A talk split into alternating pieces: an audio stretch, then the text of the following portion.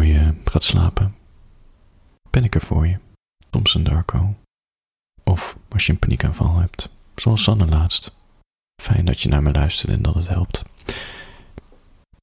Ik snap ook wel dat het helpt. Tijdens een paniekaanval ben je heel erg gefocust op je eigen lichaam. En je moet eruit komen en dat is heel moeilijk.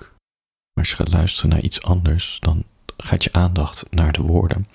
En daardoor heb je, geen, heb je minder aandacht voor jezelf en dan hebt het vanzelf weg.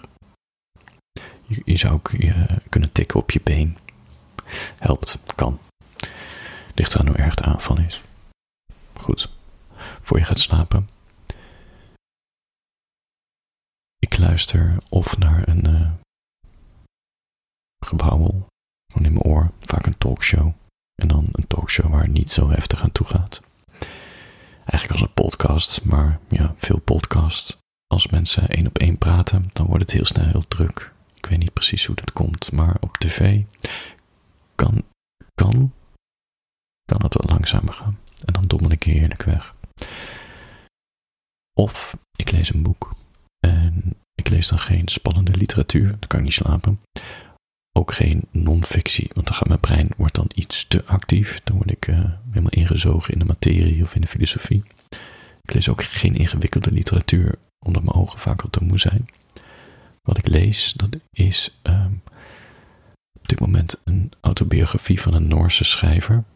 Die heeft zes boeken geschreven over zichzelf, ergens tien jaar geleden. Ik weet niet, rond 2010 of 2012. En elk boek wordt ook dikker, dus ik ben nu al een tijdje in zijn vijfde boek bezig van de zes. Ik denk echt al maanden. En mijn, uh, ik heb zo'n digitale Kindle reader. Ik lees fysiek en digitaal door elkaar. Maar uh, die zegt dat ik nog steeds zes uur moet lezen en ik ben pas op de helft. Nou ja, goed. Voor je gaat slapen. Deze Carl Ove Knausgaard, het is best fascinerend wat hij heeft gedaan. Want je zou zeggen, waarom heeft deze man zes boeken geschreven? Is hij zo bekend dan? Nou ja, hij is niet zo heel bekend. Ja, door deze reeks, maar daarvoor kende niemand hem. En het gekke is dat dit boek sowieso een gigantische hit in Noorwegen was. Relatief klein landje qua inwoners. Volgens mij echt meer dan een miljoen exemplaren verkocht. Maar het was ook een hit in Nederland en zelfs in Amerika. Het enige wat hij doet, is zijn eigen leven opschrijven. En zijn leven is helemaal niet zo groot en meeslepend. Hij, ja, hij klungelt maar wat aan of zo. Maar wat hij doet is dat hij zijn gevoelens in detail opschrijft. En levert een eerlijkheid op waarmee het boek heel bijzonder wordt. Het zijn eigenlijk van die gedachten die je niet per se hoort te denken of uit te spreken, maar hij doet het. Hij zegt bijvoorbeeld in zijn eerste boek, echt trouwens echt zijn beste ook van deze hele reeks. Vader is die in het Nederlands vertaald. Uh, hij zegt, mijn vader is dood. En ik denk aan het geld dat ik daardoor krijg. En wat dan nog? Ik denk wat ik denk. Ik kan er niets aan doen dat ik dat denk, toch?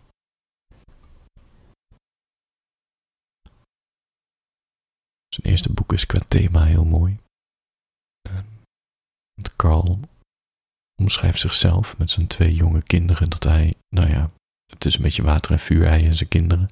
Hij loopt regelmatig te schreeuwen of zijn, zijn zoon uh, op, op bed te gooien. Nou ja, of andere dingen waar je voor schaamt als ouder.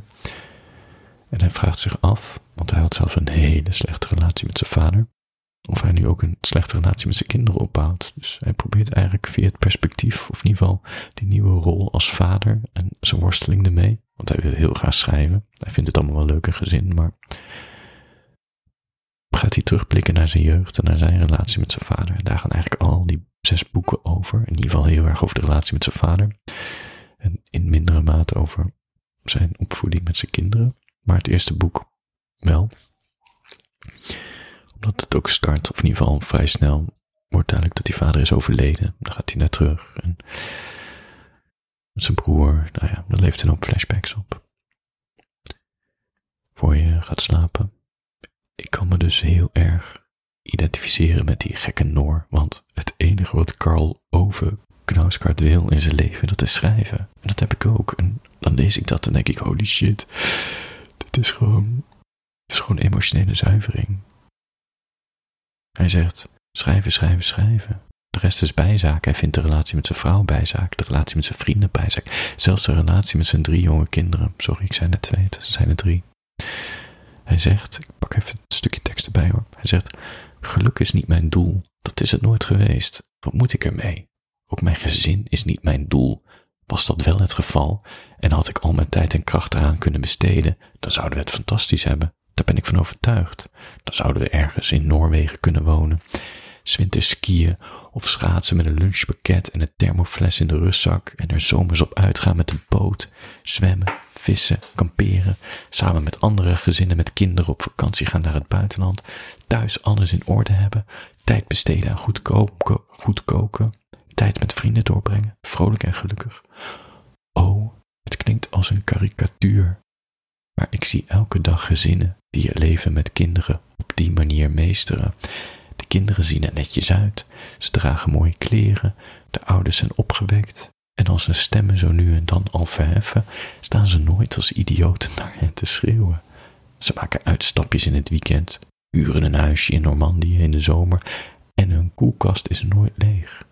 Ze werken bij een bank of in een ziekenhuis, bij een IT-bedrijf of bij de gemeentelijke administratie, bij de schouwburg of aan de universiteit. Waarom moet het feit dat ik schrijf me van die wereld buitensluiten? En dan een stukje verder schrijft hij. Ik heb geen idee waar dat ideaal vandaan komt, en nu ik het zwart op wit voor me zie, heeft het bijna iets pervers. Waarom plicht boven geluk? De vraag naar geluk is banaal, maar dat is de vraag die erop volgt niet. Die naar zingeving. Ik krijg tranen in mijn ogen als ik een mooi schilderij zie maar niet als ik mijn kinderen zie. Dat betekent niet dat ik niet van ze hou, want dat, voel, dat doe ik wel met heel mijn hart. Het betekent alleen dat de zin die zij het leven geven het niet kan vullen. In elk geval het mijne. Ja. Volgens mij komt dit stukje al in, in een van de eerste 20, 30 pagina's naar voren.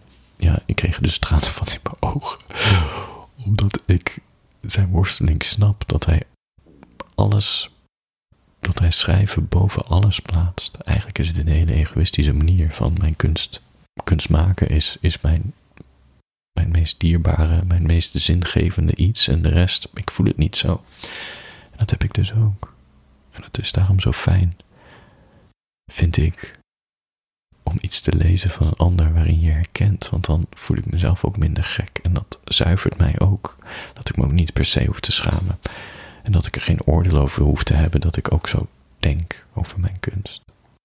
En voor je gaat slapen, het klinkt misschien heel gek, maar ik hoop dat mijn boeken die ik schrijf en de teksten die ik publiceer op mijn blog en in mijn vijfdaagse mail, petjeaf.com slash URL is veranderd, maar dat terzijde. Hoop dat je erover gaat dromen. Petjeaf.com slash Tomsendarko. Nee, je geitje. Dat mensen die teksten lezen en dat ze ook een herkenning voelen en zich minder eenzaam voelen en minder alleen en minder gek. En dat het leven dan iets, iets lichter wordt. Begrijp je? Dat is denk ik wat kunst moet zijn. Herkenning en erkenning. En dat het troost meer niet. Daarom ben ik ook altijd wat huiverig voor je gaat slapen. Over zelfhulpboeken. Weet je, er zit een best motiverend spul bij, maar heel veel is gericht om, nou ja, om een soort oplossing te schetsen waar je nooit gaat komen. Iets van, alles wat je nu doet is niet goed, dit is mijn manier om het te fixen en voer het uit en je bent gelukkig, bla bla bla, en je wordt rijk en al die andere zinloze beloftes die je nooit gaat voelen.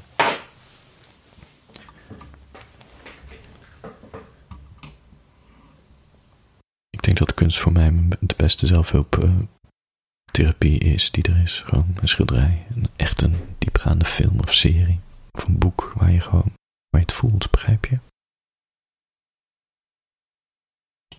Ik moet niezen.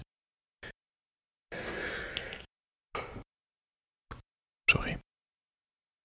Ik soms heel hard niezen, maar ik kon hem nu onderdrukken. Anders ben je bijna in slaap, moet je wakker van mijn nies. Zou ook wel wat zijn, toch? Goed. Voor je in slaap dommelt, morgen een nieuwe dag. Ik zal, als je interesse hebt, even een uh, linkje toevoegen in de show notes. Um, van uh, Carl Ove Knausgaard. En ik, ik, doe het even naar zijn eerste boek Vader. Het is echt zijn beste ook. Ben nu bij boek 5 en het is heerlijk lezen. Maar soms ook een beetje, ja, de magie van het eerste en ook het tweede boek, dat, ja, het komt niet meer terug. Ik heb wel hele hoge verwachtingen van het laatste boek, zijn zesde. Het gaat namelijk over um, het succes van het eerste boek. Daar gaat hij dan over vertellen wat voor impact dat heeft op zijn gezin en op zijn vrouw, die uh, er manisch depressief van wordt. En ellende is toch, het heeft iets pervers, maar op een of andere manier wil ik gewoon de ellende lezen die het heeft opgeleverd. Goed, slaap lekker.